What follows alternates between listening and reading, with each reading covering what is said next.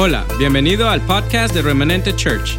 Esperamos que esta palabra te edifique y te inspire a acercarte a Dios. Disfruta el mensaje.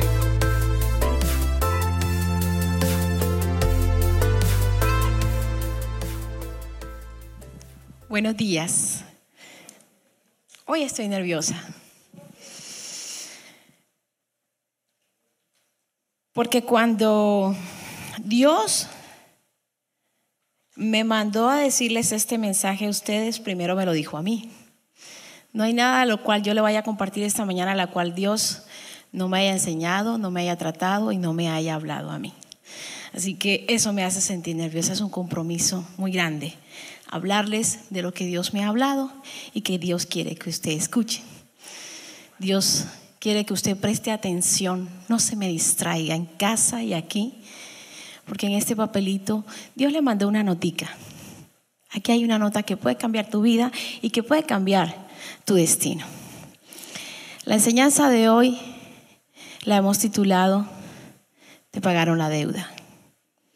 Te pagaron tu deuda.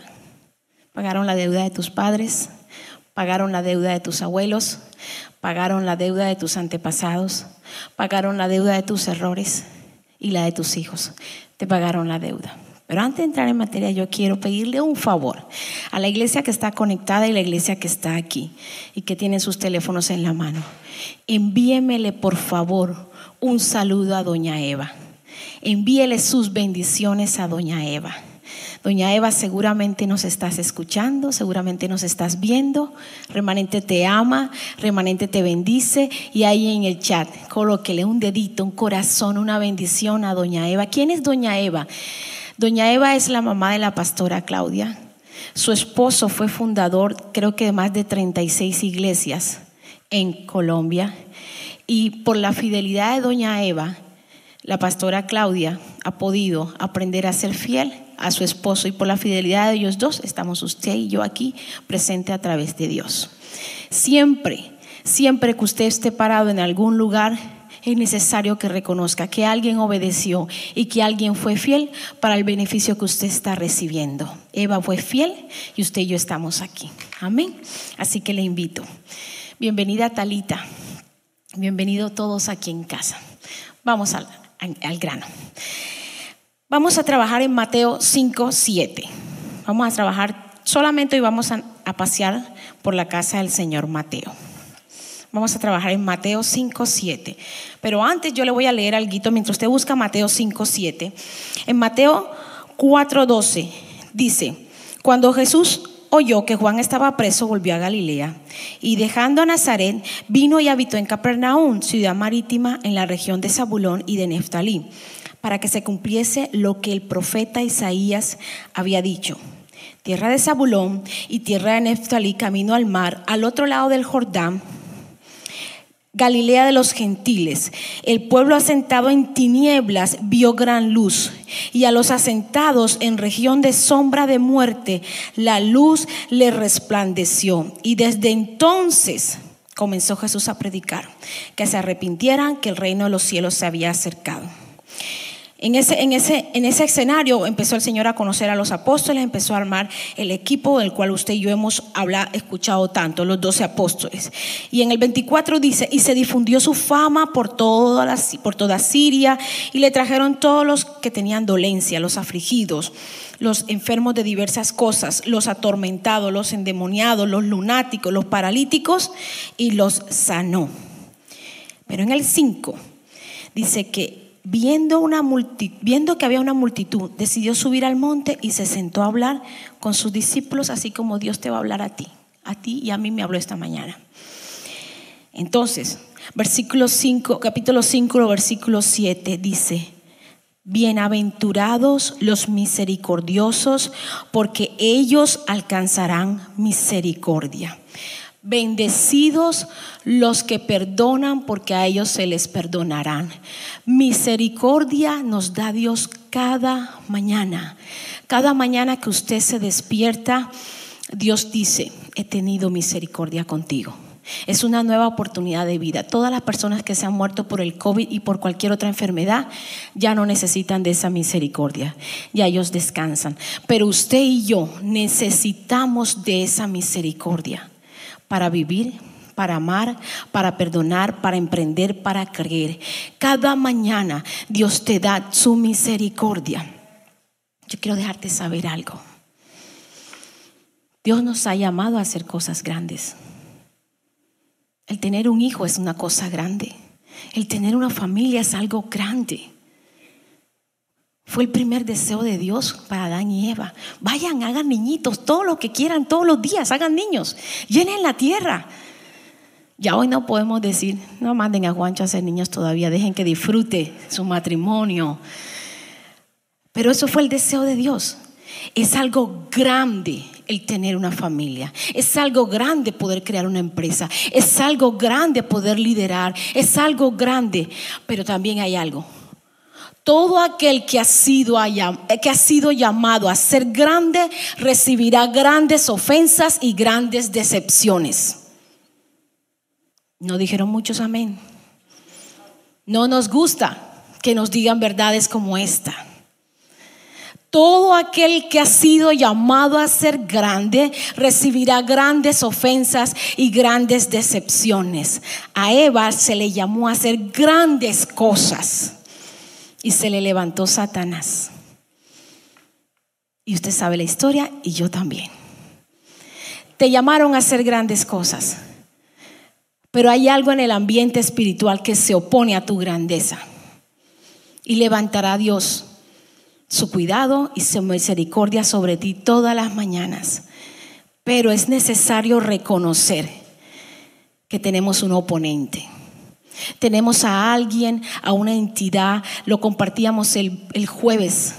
Hay huestes espirituales de maldad en los lugares celestiales. Ah, bueno, eso está en el cielo, eso es Dios y el diablo. No, los lugares celestiales es el espacio que queda entre el cielo y la tierra. En ese lugar hay una región de, demonios, de espíritus, de ángeles caídos que se oponen al plan de Dios sobre tu vida y sobre mi vida. Entonces, Dios dice, cada mañana hay una misericordia para ti, porque es necesario que esa misericordia la apliquemos en el perdón. El título de la enseñanza hoy es Te perdonaron la deuda. Y ahorita vamos a trabajar más profundo en eso. Te perdonaron la deuda. Cuando usted y yo somos inocentes, reclamamos justicia. Reclamamos justicia. Pero cuando usted y yo somos culpables, ¿qué necesitamos? Misericordia. Entonces Dios no se equivocó. Dios dijo que Él cada mañana nos daba misericordia, porque cada día estamos expuestos al pecado, al no hacer, al no hacer lo bueno sabiéndolo hacer, al no ayudar al amigo, al no perdonar. Entonces cada día Dios derrama su misericordia, porque de una u otra manera se nos olvida quiénes somos muchas veces y caemos nuevamente. Entonces es su misericordia cada mañana. Él no dice cada mediodía, sino apenas usted se despierte, Dios me dio misericordia. ¿Qué voy a hacer con esto? La misericordia te da una autoridad. La misericordia te da una esperanza. La misericordia te abre las rejas de prisión cada día. Cada día. Entonces, cuando somos inocentes recibimos justicia. El que es inocente recibe justicia y se acabó. Pero cuando somos culpables necesitamos de esto de Dios. Dice, pero a nivel de iglesia y a nivel de, de liderazgo, a nivel de congregación, a nivel del cuerpo de Cristo, se nos ha enseñado muchas cosas desde aquí desde, desde el púlpito, desde los seminarios y de muchas cosas que vemos hoy en, las redes sociales, pero en las cuales usted y yo no tenemos la fortaleza y la templanza para hacerlas. Y se vuelve un estudio más. Se vuelve algo más que nos enseñaron, pero es muy difícil aplicar todo esto que nos enseñan. Por eso yo he tratado, cada vez que Dios me da la oportunidad de compartir con ustedes, ser lo más vivencial y ser lo más transparente. A veces creo que me paso de transparencia y digo, digo cosas muy, muy personales. Les cuento algo personal. Esta blusa me la compré hace como un mes y me la he intentado poner tres veces. Pero cada vez que me la ponía, Dios mío, yo no me veía bien con ella. Es que yo le preguntaba a mi hija, ¿cierto que no se ve bien? Algo no está bien en esta blusa. Algo no está bien. Y yo decía, pero ¿qué es lo que no? Esta mañana dije, me voy a poner la blusa, no importa, pero me la voy a poner. Y me coloqué la blusa y me costó trabajo abotonármela aquí atrás y como pude me abotoné. Y cuando me voy a sacar la cadena que me quedó por dentro, se me salió la marquilla de la camisa. Todo el tiempo me la había estado poniendo al revés. Lo de adelante para atrás y lo de atrás para adelante. Y entonces yo decía, ¿la hicieron mal o no se me ve? No, no me la sabía poner. Estamos usando bien la misericordia de Dios. Estamos usando bien la misericordia de Dios. Analicemos eso. La misericordia de Dios va más allá de cualquier pecado que usted y yo podamos cometer. Usted no puede detener a Dios. Yo no puedo detener a Dios. Si Él tiene un plan contigo y conmigo, Él lo va a hacer. Él lo va a hacer. Por eso nos da su misericordia cada mañana. Ya le conté algo muy personal. Ahora vámonos, por favor. Ay Dios, vámonos para Mateo 6:12. Ahí a la vuelta de la página. ¿Qué dice Mateo 6:12? Mateo 6:12. Nosotros, todos, yo creo que los niños no, los niños pequeñitos no, pero todos, si usted se sabe el Padre Nuestro, colóqueme un dedito así en el, en el chat y todos los que estamos aquí yo creo que no sabemos el Padre Nuestro. Todos. Si usted no, mira, ella se aprendió el Padre Nuestro. El Padre Nuestro. El Padre Nuestro. Pero usted y yo oramos, rezamos, dijimos, escribimos muchas veces esta frase. Señor, perdona nuestras ofensas como también nosotros perdonamos a los que nos ofenden. Mentira, no lo hacemos, no lo hacemos. Aquí sí necesito misericordia, aquí no soy inocente. No lo hacemos. ¿Quieres que Dios te perdone como ya perdonaste a tu ex esposo? ¿Quieres que Dios te perdone como ya perdonaste al pastor que te falló? ¿Quieres que Dios te perdone como perdonaste a tu ex suegra? Les cuento otra cosa muy personal. Mi ex suegra quiere más a Juan Carlos que a mí. Yo, yo voy a Colombia y cuando regreso ella llega a la casa y le manda regalos a Juan Carlos. A mí no me da nada, pero a Juan Carlos le manda regalos. ¿Ya perdonó, perdonaste a tu hijo que te falló? ¿Cómo quieres que Dios te perdone a ti? ¿Ya perdonaste al gobierno? ¿Ya perdonaste? Mire, voy a contar algo. Esto no es personal. Nosotros nos armamos en unos debates. Oh, oh, espere, espere, espere, espere, espere. Aquí le voy a decir algo. Esto es muy sanador y muy liberador. Si usted es divorciado y usted se volvió a casar, en la autoridad del Padre yo quiero dejarte decir que tu matrimonio, ni tu ministerio, ni tu relación es de segunda porque ya te casaste. Por segunda vez, por tercera vez, por cuarta vez. Asegúrate que tu relación con Dios y tu pareja estén agradando a Dios y suelta tu historia. Hay gente que no está muy contenta con el matrimonio que tiene ahí por el divorcio de ayer. Hay mucha gente que ya ni se acuerda de tu divorcio de ayer, pero tú no puedes soltar el divorcio y no disfrutas a tu pareja. Eso es tal cual como el que se casa amando al ex. Seamos libres de eso. Alguien necesitaba escuchar esto. Hay alguien que no se siente con la autoridad y con la honra de servir a Dios porque fue divorciado o divorciada y se volvió a casar. Hay cosas que pasan en la vida. Yo creo que primero decidimos nosotros con quién queríamos ser nuestra pareja, pero Dios tenía otro preparado.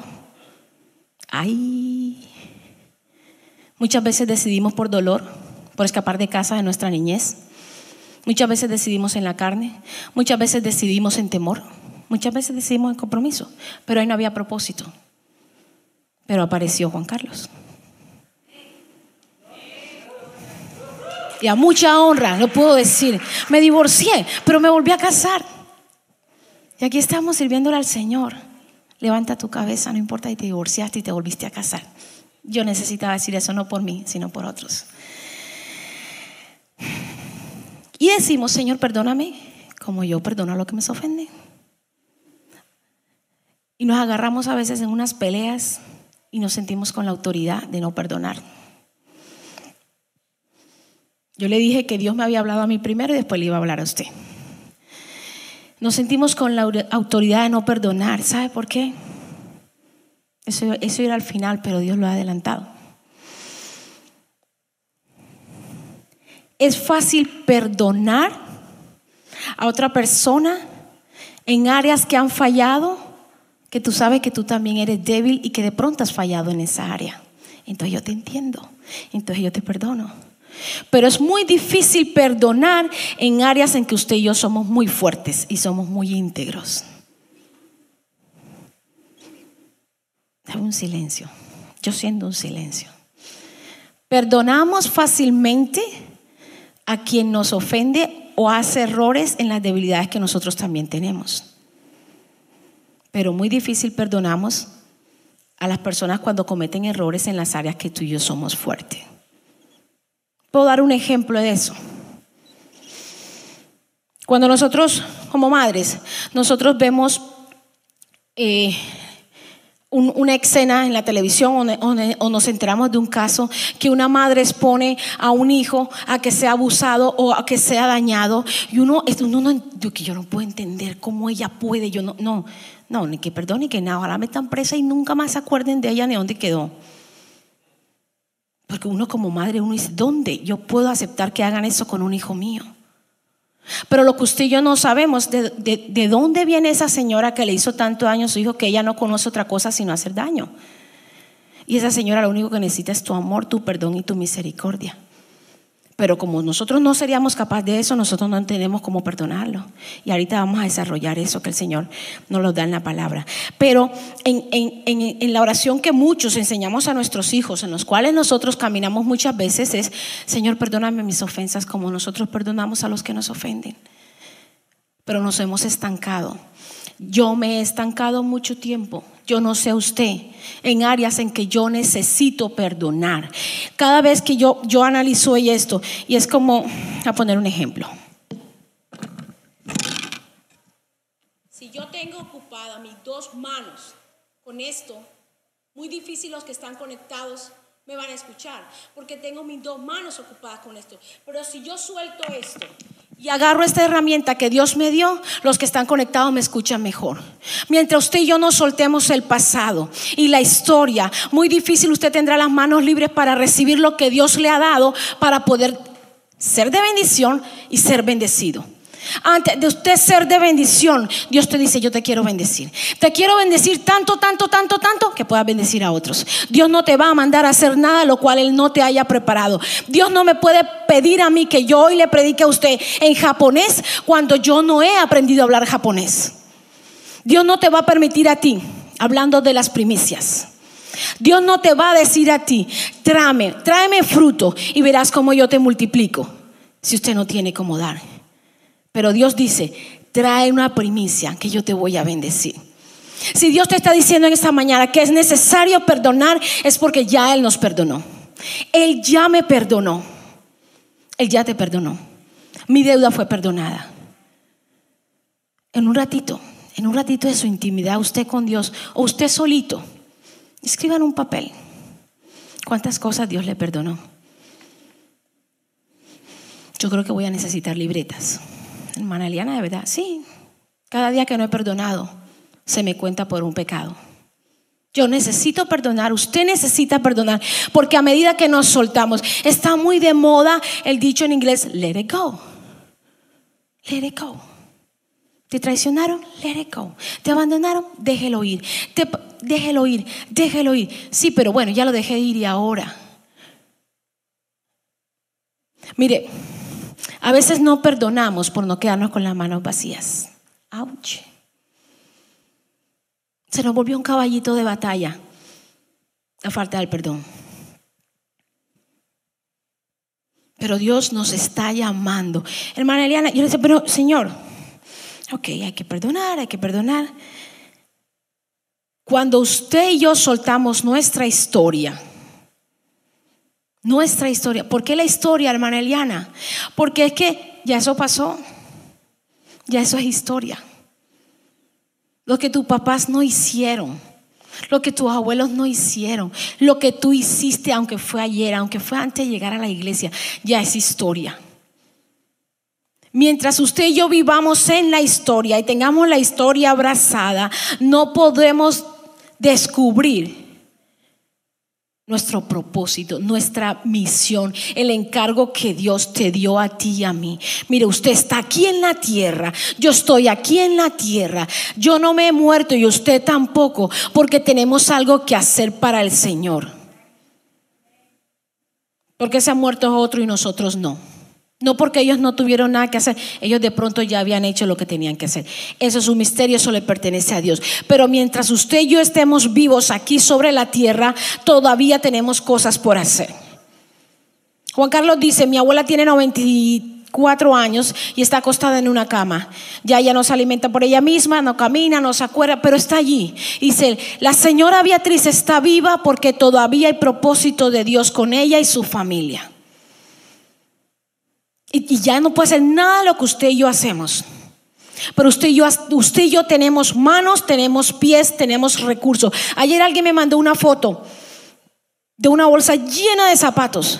Yo decía, Dios mío, nosotros sí tenemos cosas, y lo digo decente para no decirlo como decimos en Barranquilla. Nosotros sí tenemos cosas en este país. Pero seguimos trabajando y gastando nuestra vida para seguir consiguiendo cosas. Eso es una verdad de este sistema. Anoche hablábamos, hay una hermana que decía, yo tengo 150 pares de zapatos. Gente que me está mirando en televisión, ¿usted puede creer que eso sea verdad? Sí es verdad, sí es verdad, sí es verdad. Llegamos a tener más de 80 bolsos, 150 pares de zapatos. Y eso no es pecado. Si puede hacerlo, hágalo. Y cuando se aburra a los que tiene, regálenlos. Y viaje y vuelve y compre. Si, puede hacerlo. Pero acuérdese que su provisión viene de Dios y que Dios le ha dado para que usted pueda dar. Estoy hablando de zapatos y de cartera, pero también puedo hablar de abrazos. También puedo hablar de un café para que hablemos. Quizás yo no tenga la solución a tu problema, pero necesita ser escuchado. Necesita ser atendido. El ser humano tiene tres necesidades. Ser amado, ser escuchado y ser tenido en cuenta. Las carteras y los zapatos son accesorios. Necesitamos ponerle pieza a este bendito evangelio, al perdón que Dios te dio. Joven que me estás escuchando, es necesario que perdones a tus padres. ¿Sabe que hay jóvenes que no quieren caminar en lo que Dios dijo de ellos por los errores que vieron cometer a sus padres?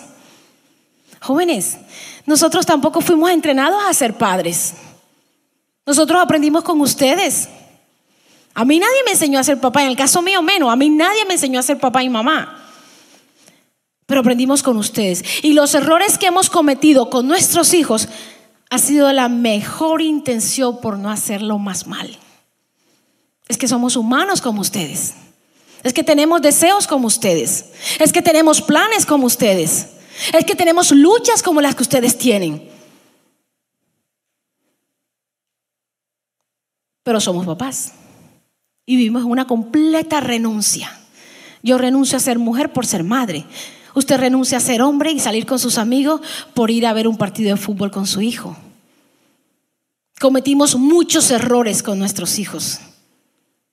Perdónate, mujer y hombre que me escuchas, que te acusas de haber cometido muchos errores con tus hijos. Perdónate. La misericordia de Dios vino hoy a dejarte saber que es necesario que te perdones. Sé libre, sé libre de la aflicción que cargamos en nuestras espaldas. Esa pregunta que nos hacemos todos los padres. ¿Y si lo hubiera hecho así? ¿Y si la hubiera dejado ir más afuera? ¿Y si no lo hubiera dejado ir más a la calle? ¿Y si le hubiera dicho que no ese día? ¿Y si le hubiera dicho que sí fuera? ¿Y si le hubiera comprado los pantalones que quería toda la vida y, y se fue a comprárselos y pasó lo que pasó? Ya pasó, es historia. Hay un presente y hay un futuro. Es necesario que usted y yo caminemos en esta verdad. Dios nos perdona cada día, cada día. No te pierdas el futuro por lo que pasó ayer. No puedes volver a revivir el matrimonio que se acabó. No puedes volver a borrar los errores que cometiste con tus hijos. No puedes reconectarte con lo que ya no está. No está. Pero hay muchas cosas más que están enfrente tuyo. Muchísimo. Es mucho más lo que Dios tiene para ti de hoy en adelante que lo que pasó ayer. ¿Por qué? Porque la palabra dice que los tiempos van en aceleración. La palabra dice que la tecnología va en aceleración. La palabra dice que hoy te ha regalado una nueva misericordia y te trajo esta mañana para escuchar este mensaje. Estamos perdonando lo imperdonable. Ay, esa duele. Y como esa duele, vámonos a la palabra que ella sí sana. Vámonos para Mateo 18, 23. Todo el que tiene el teléfono encendido con el Facebook Remanente Church, ¿ya lo compartió? Perfecto. Los dos deudores, por el cual el reino de los cielos es semejante a un rey que quiso hacer cuentas con sus siervos, como Dios está haciendo hoy contigo y conmigo. A este, y comenzando a hacer las cuentas, le fue presentado uno que le debía diez mil talentos. Esa soy yo y esa es usted. No le vamos a echar la culpa al hombre porque yo sé que usted ya se leyó esta historia. Y a este, como no pudo pagar, le ordenó su señor venderle a su mujer e hijos y todo lo que tenía para que se le pagase la deuda. Entonces aquel siervo postrado le suplicaba diciendo, ten paciencia conmigo y yo te lo pagaré. Y el Señor de aquel siervo, movido a misericordia, como la que Dios me dio hoy para decirte esto, le soltó y le perdonó la deuda. Pero saliendo aquel siervo, o sea, saliendo yo de ahí donde Dios me perdonó, hallé a uno que me debía cositas, que me debía cien denarios, y haciendo, haciendo de él, lo hagaba diciendo, págame lo que me debes. Págame lo que me debes no te van a poder pagar lo que te deben. Quien te ofendió no te puede sanar. Quien te ofendió, quien te falló, no te puede pagar lo que te debe. Cristo ya lo hizo por ti. Cristo ya lo hizo por mí. No hay nada que pueda hacer la persona que mató la ilusión en tu vida que pueda volver a resucitarla. Solo Dios, solo la misericordia de Dios cada mañana, cada mañana. Cuando buscaba lo que significaba la palabra el perdón, literalmente significa exhalar. Haga así conmigo, usted que está en casa y usted que está aquí. Respire profundo, pero no lo suelte. Respire profundo y no va a soltar el respiro hasta que yo no le diga. A la una, a las dos y a las tres. Respire profundo. Quédense ahí. No nadie, ni los que están en casa ni los que están aquí, pueden soltar el Usted va a volver a respirar hasta que yo te... Irma, me fallaste. Eni, ¿quién me Carmen, me fallaste. Eni, me fallaste porque hablaste. Mientras usted no perdone, usted no puede exhalar. Ahora exhale. Si usted lo hizo en casa, déjeme saber que lo hizo. El perdonar es exhalar, así. Y cuando uno exhala se siente liviano. De hecho, hay una terapia para adelgazar. Respire, respire, respire, respire. Estoy respirando adelgaza, hermana. ¿Y cómo funciona eso? Cuando usted respira y exhala, bota toxinas. La sangre se activa, empieza a moverse más rápido y el cerebro empieza a consumir grasa. Así que respire, respire. Ahora, cuando usted me ve toda gordita, no me diga, hermana, no está respirando. Porque le aseguro que sí respiro. Respiro ya van a ver lo que trae el 2021. En fin.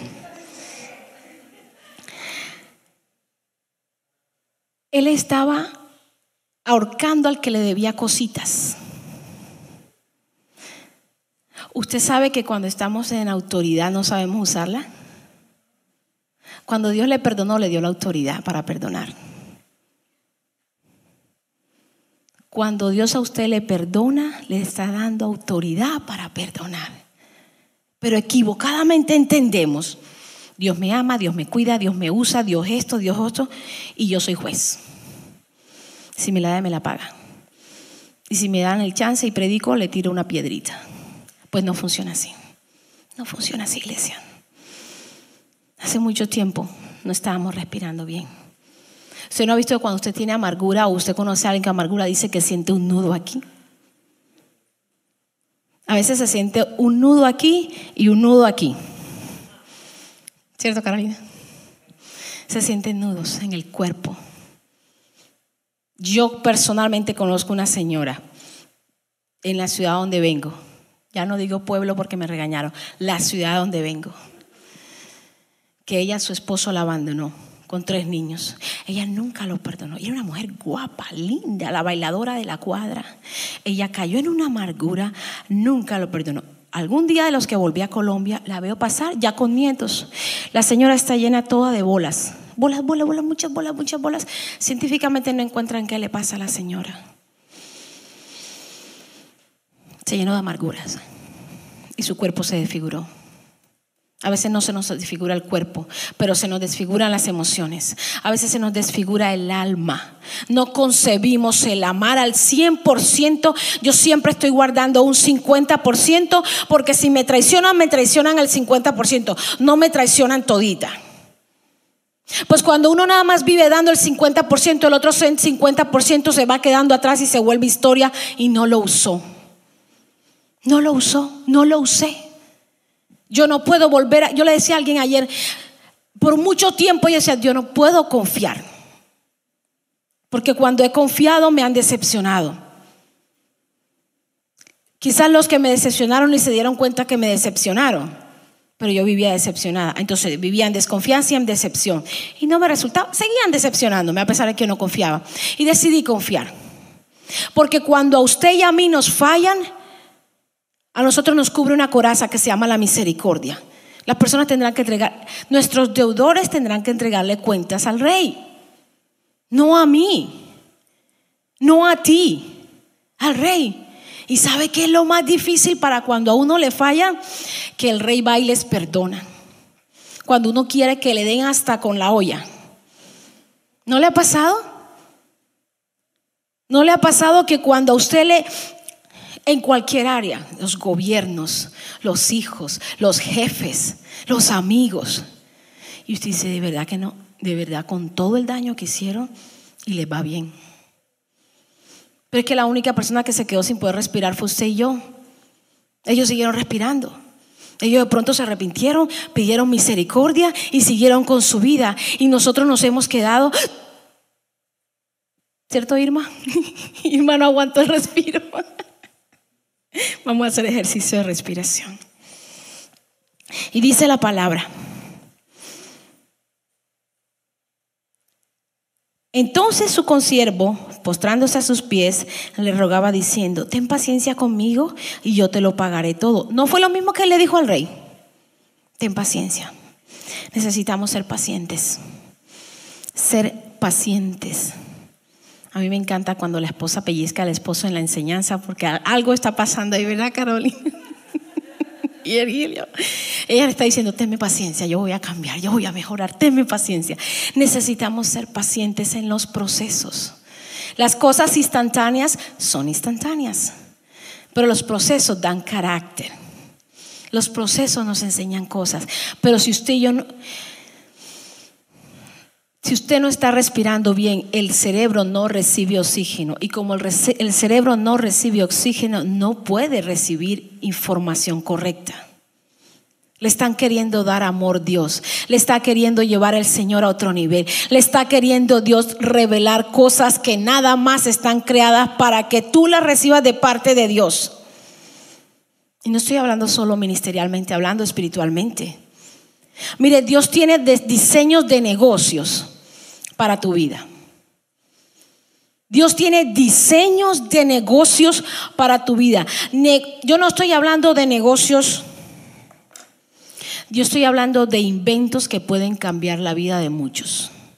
Yo estoy hablando de proyectos de parte de Dios que pueden ser de bendición hasta para un país y por qué no naciones. Pero usted y yo tenemos el cerebro tan ocupado en el dolor y en la amargura que no hemos podido avanzar. Habemos personas en el Evangelio que tenemos aquí un depósito de libros por escribir. Tenemos depósito de cosas para crear para el reino de los cielos. Miren, en el 2008 alguien me dijo, hay una multitud de mujeres, esa mujer no me conocía a mí, me dice, hay una multitud de mujeres esperando escuchar lo que Dios te dijo que les dijera. Tremendo compromiso cuando yo no quería saber de nadie. un lugar en Bogotá me dijeron eso. Hay muchas mujeres esperando escuchar lo que Dios te dijo que les dijera. A mí Dios no me había dicho nada en mi carne, en mi dolor y en mi molestia. Pero en su bendita palabra, Dios me ha dicho demasiado. Dios me ha dicho mucho para decirte. Pero es que yo me guardo el 50%. Es que estoy siendo muy personal. Yo me guardo el 50%. Porque los que han sido llamados a hacer grandes cosas reciben grandes ataques. Por eso es necesario que el pueblo, que usted, eso de pueblo suena a muchos, que usted y yo, que el remanente que está en casa, que el remanente que está aquí, ore por las personas que nos ponemos aquí, porque somos tan humanos como usted y como los que usted conoce, como el primo que se porta mal. Mire, Juan Carlos le pasó algo hace poquito con, con, con alguien de aquí de la iglesia. Estaba en el trabajo y, Juanca lanzó una expresión. Y Juanca dice, y después me dice, a quien le lanzó la expresión humana, por un esfuerzo físico que estaban haciendo, y la persona le dijo, gracias, pastor. Y Juanca se quedó, ¡Ah! qué pena. Mostré mi humanidad tan, fuerte en un, esfuerzo físico, pero es que somos humanos. Pero es que somos humanos. Su evangelio, su crecimiento, su progreso, su bendición no depende de lo que aquí pase, de lo que pasa el domingo. Depende de su relación con Dios. A mí Dios me usó para mandarle a decir esto. Yo me voy para mi casa y yo tengo que trabajar esto en muchas áreas de mi vida. Yo no lo puedo hacer por ti. Usted tiene que hacerlo. Usted sabe que para entrar a una charla de John Maxwell usted tiene que pagar 50, 300, 500 dólares. Y si quiere hacer el curso completo vale 8 mil. Pero usted Dios le abre las puertas de la iglesia para recibir palabras directamente no de John Maxwell, sino de Jesucristo, el Rey de Reyes y Señor de Señores. Y hay gente que crea empresas, que se casa, que se vuelve millonario por lo que dijo John Maxwell. ¿Y saben qué? A John Maxwell le habla a Dios. Entonces, ¿por qué hacer lo que de segunda mano? Dice un hombre como usted y como yo, que en cualquier momento se le puede salir un, una palabra. Ah, no, porque aquí la única que pronto se tropieza la uña del pie chiquito soy yo. O usted. Momentos de rabia, momentos de... Esos momentos de si su esposo está molestando y todo, mire, usted ponga a hervir una olla de agua.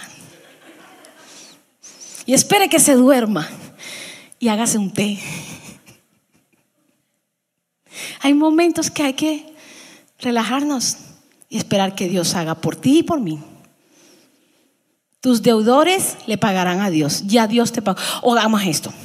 Señor, tú no me des nada, tú no me perdones nada, tú no me confíes nada, tú no me lleves a unos nuevos niveles, tú no hagas nada conmigo, porque los que a mí me la deben me la van a pagar. Con lo que ellos me van a pagar es suficiente, lo tuyo no me sirve.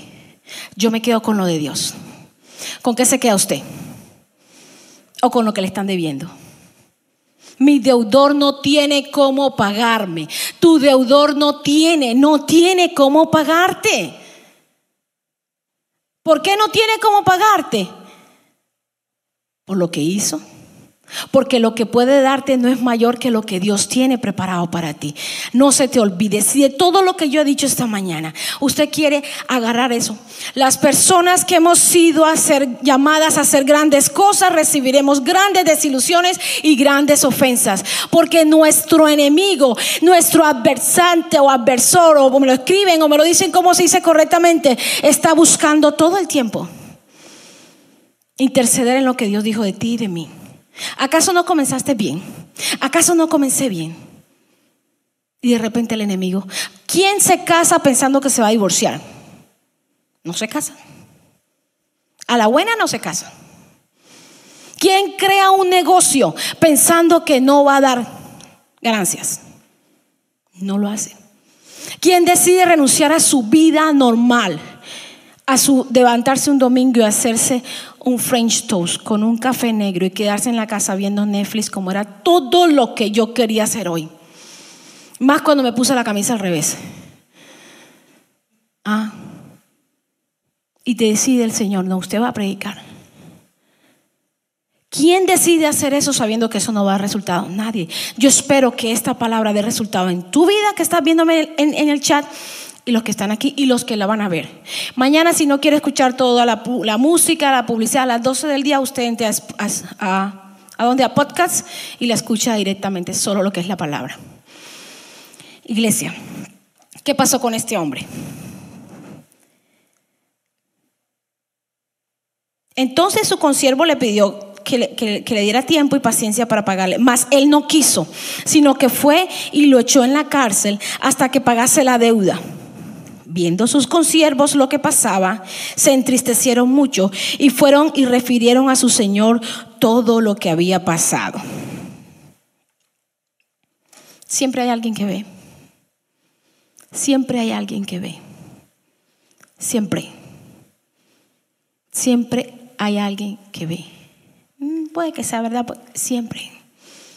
Los ojos de Jehová recorren la tierra todos los días, todo el tiempo.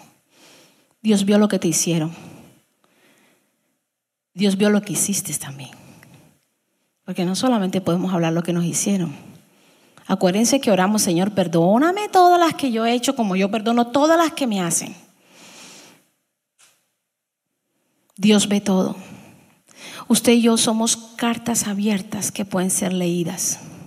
Usted es el cristiano de su familia, mire, lo miran a usted, le miran sus finanzas, le miran a sus hijos, le miran su negocio, le miran todo, porque usted dijo que era hijo del rey de reyes y señor de señores.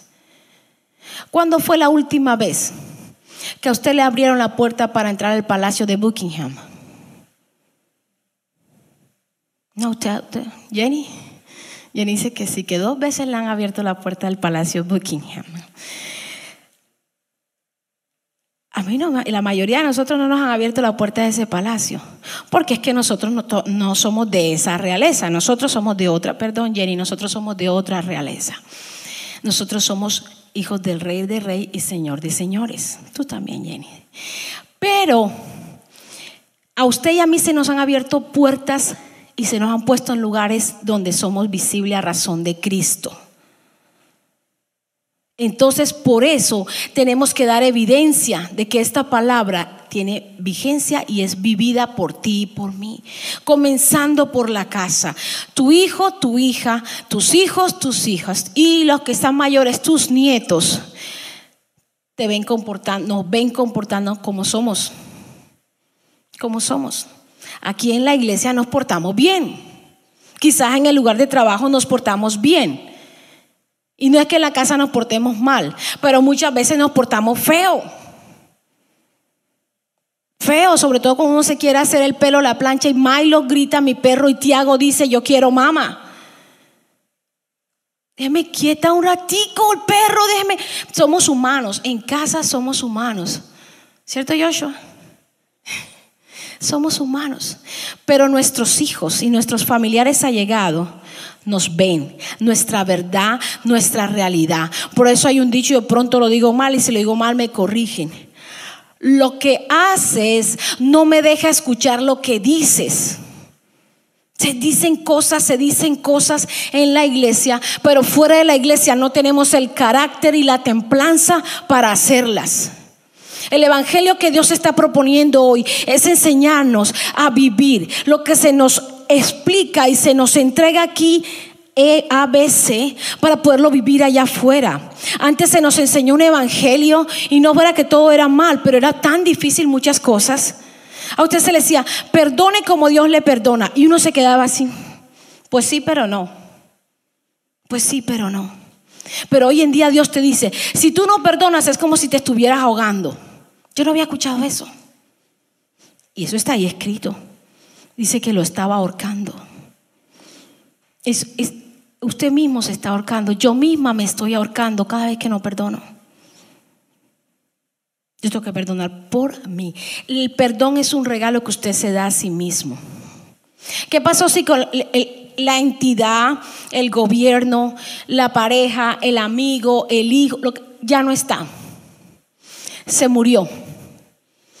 ¿Entonces para qué perdonar? No, si hay que perdonar por usted Ya la persona no está en la tierra, pero usted todavía sigue con ese dolor. Toca perdonar. El perdón es por mí. El perdón es por ti. Porque cuando soltamos, podemos abrazar lo que Dios nos ha dado. Iglesia, ¿qué nos ha dado Dios? Dios nos ha dado la libertad de crecer. Dios nos ha dado la libertad de proyectarnos. Dios nos ha dado una tierra que poseer. ¿Cuál es la tierra, hermana? Eso fue como allá, como Josué, como todo ese pocotón de gente que poseyeron. No, no, no, no, no, no, no. Los años venideros son tu tierra para poseer. Yo esta madrugada, yo decidí, a pesar de todas las luchas como ser humano que pueda tener, poseer los años venideros en salud. Si leíamos cuando Jesucristo se levantó y empezó a, traer, a, hacer milagros, ¿quiénes le trajeron? Atormentados, endemoniados, gente con dolencias, las dolencias del cuerpo, porque hace mucho rato usted y yo no respiramos como Dios nos dijo en libertad y el cerebro no ha podido enviar el mensaje al lugar. Hagámonos bromas. Somos muy, yo soy muy rígida. Soy muy rígida, me exijo demasiado. Soltemos esta tensión de ser tan rígidos. Yo mandé esta mañana a varias personas un mensaje, creo que, creo que no, no lo pudieron abrir, me escribieron varias que no lo pudieron abrir. A una muchacha con cáncer en la tiroide, la operan. Pero le dijeron, el problema de sacarte las tiroides es que se puede perder el buen sentido del humor, la felicidad, el gozo y todos, pero hay que sacártelas y ella se caracterizaba por ser una persona entusiasta, motivadora.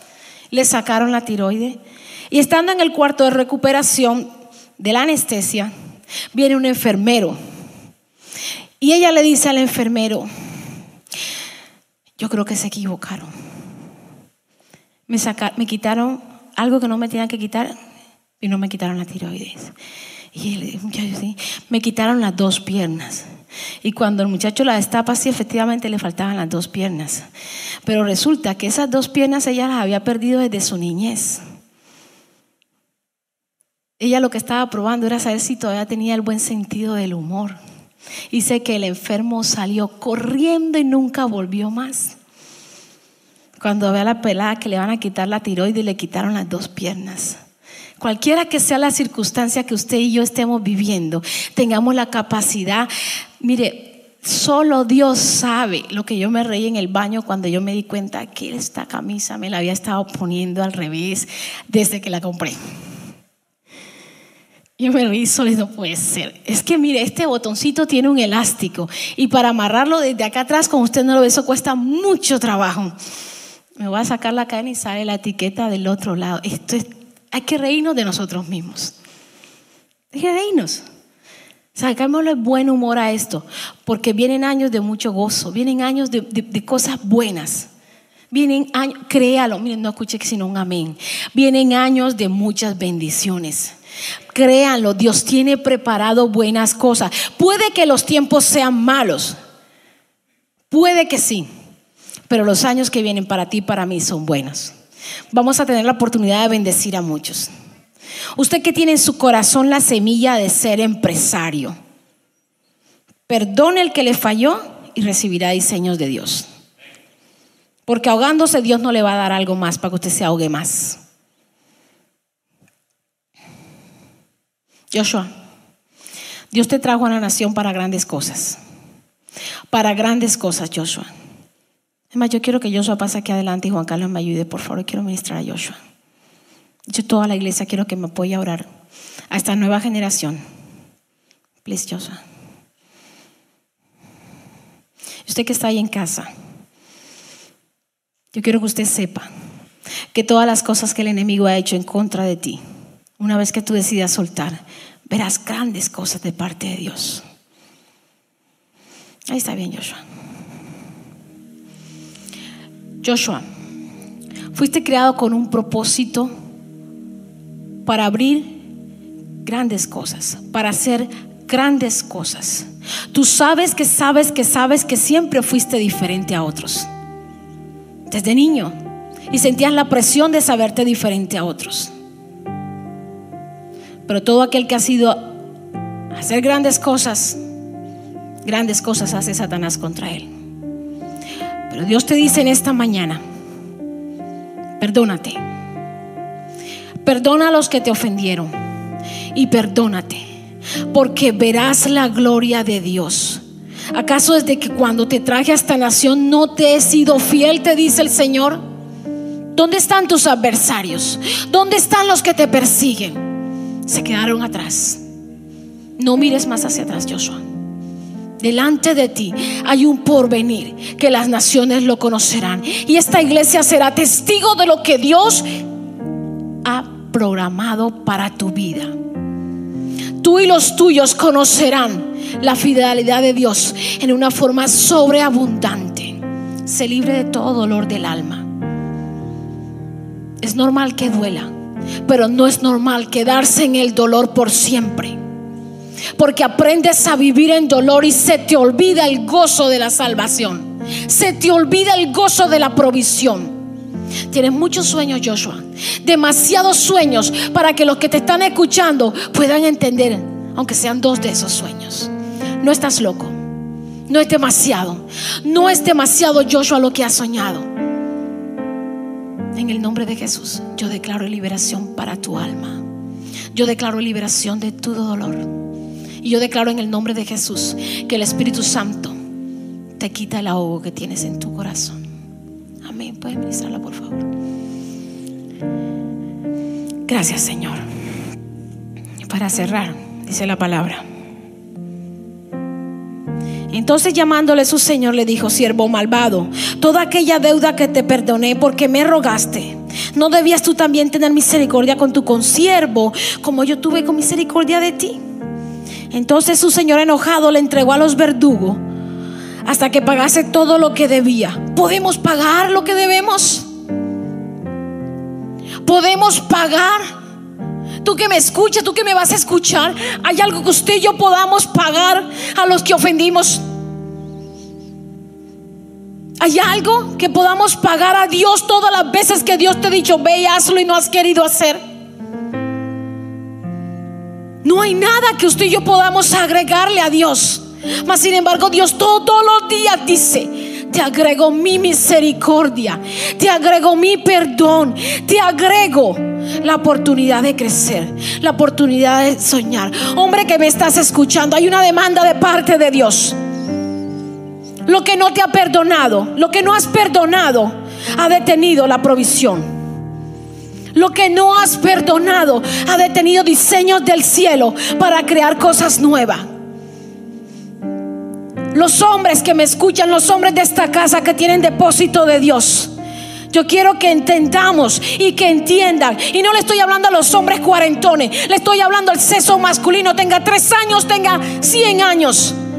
Ustedes fueron creados con un diseño, como decía Juan Carlos, a imagen y semejanza de Dios, con la autoridad para formar familias, para crear negocios, para servirle a Dios, para implantar lo que Dios le ha dado. Si usted ayer vio el programa de Rema Kids, al final se colocaron la alabanza.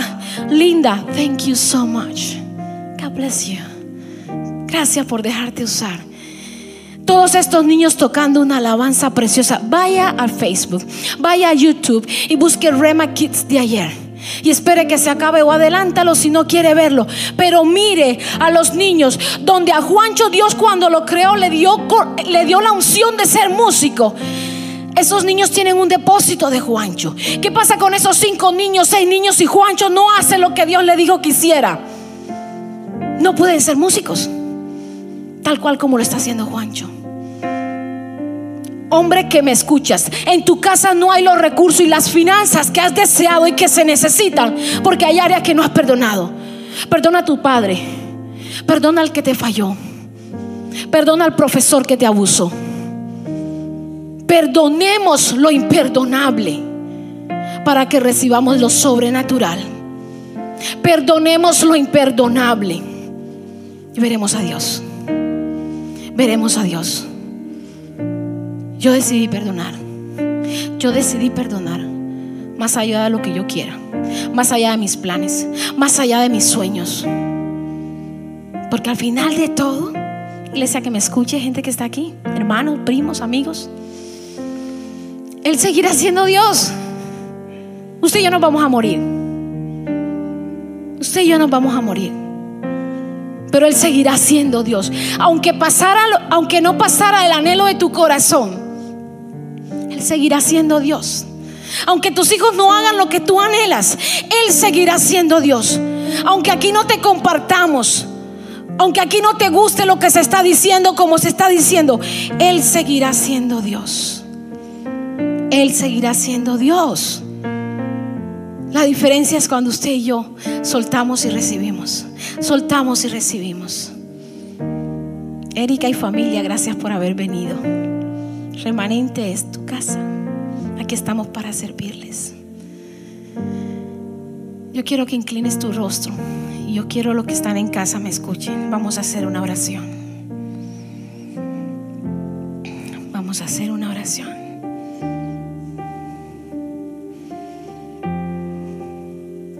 Iglesia, suelta tu historia y agarra tu futuro. Yo no suelto lo que me pasó, no suelto lo que me pasó, no suelto lo que me pasó, no suelto lo que me pasó, yo no suelto lo que me pasó. Y en esto que estoy ocupada en no soltar lo que me pasó, no agarro mi futuro. Yo quiero en mi futuro verte, verte. Yo necesito que juntos corramos esta carrera. No era lo que Moisés estaba haciendo en el monte, era lo que el pueblo debió hacer, esperando a Moisés. Padre, en el nombre de Jesús, en esta hora, Dios, te damos gracias por haber pagado nuestra deuda, Señor. No hay nada que podamos agregar a tu misericordia, Señor. Solo la obediencia, Dios. Padre, en esta hora, toda área de mi vida, repite conmigo, toda área de mi vida en la cual yo no haya practicado perdón, en la cual yo no me haya perdonado, Señor. Yo te pido misericordia y declaro que perdono. Póngase sus manos en las entrañas, ahí donde el Espíritu Santo de Dios habla. Yo perdono lo imperdonable. Yo perdono en el nombre de Jesús.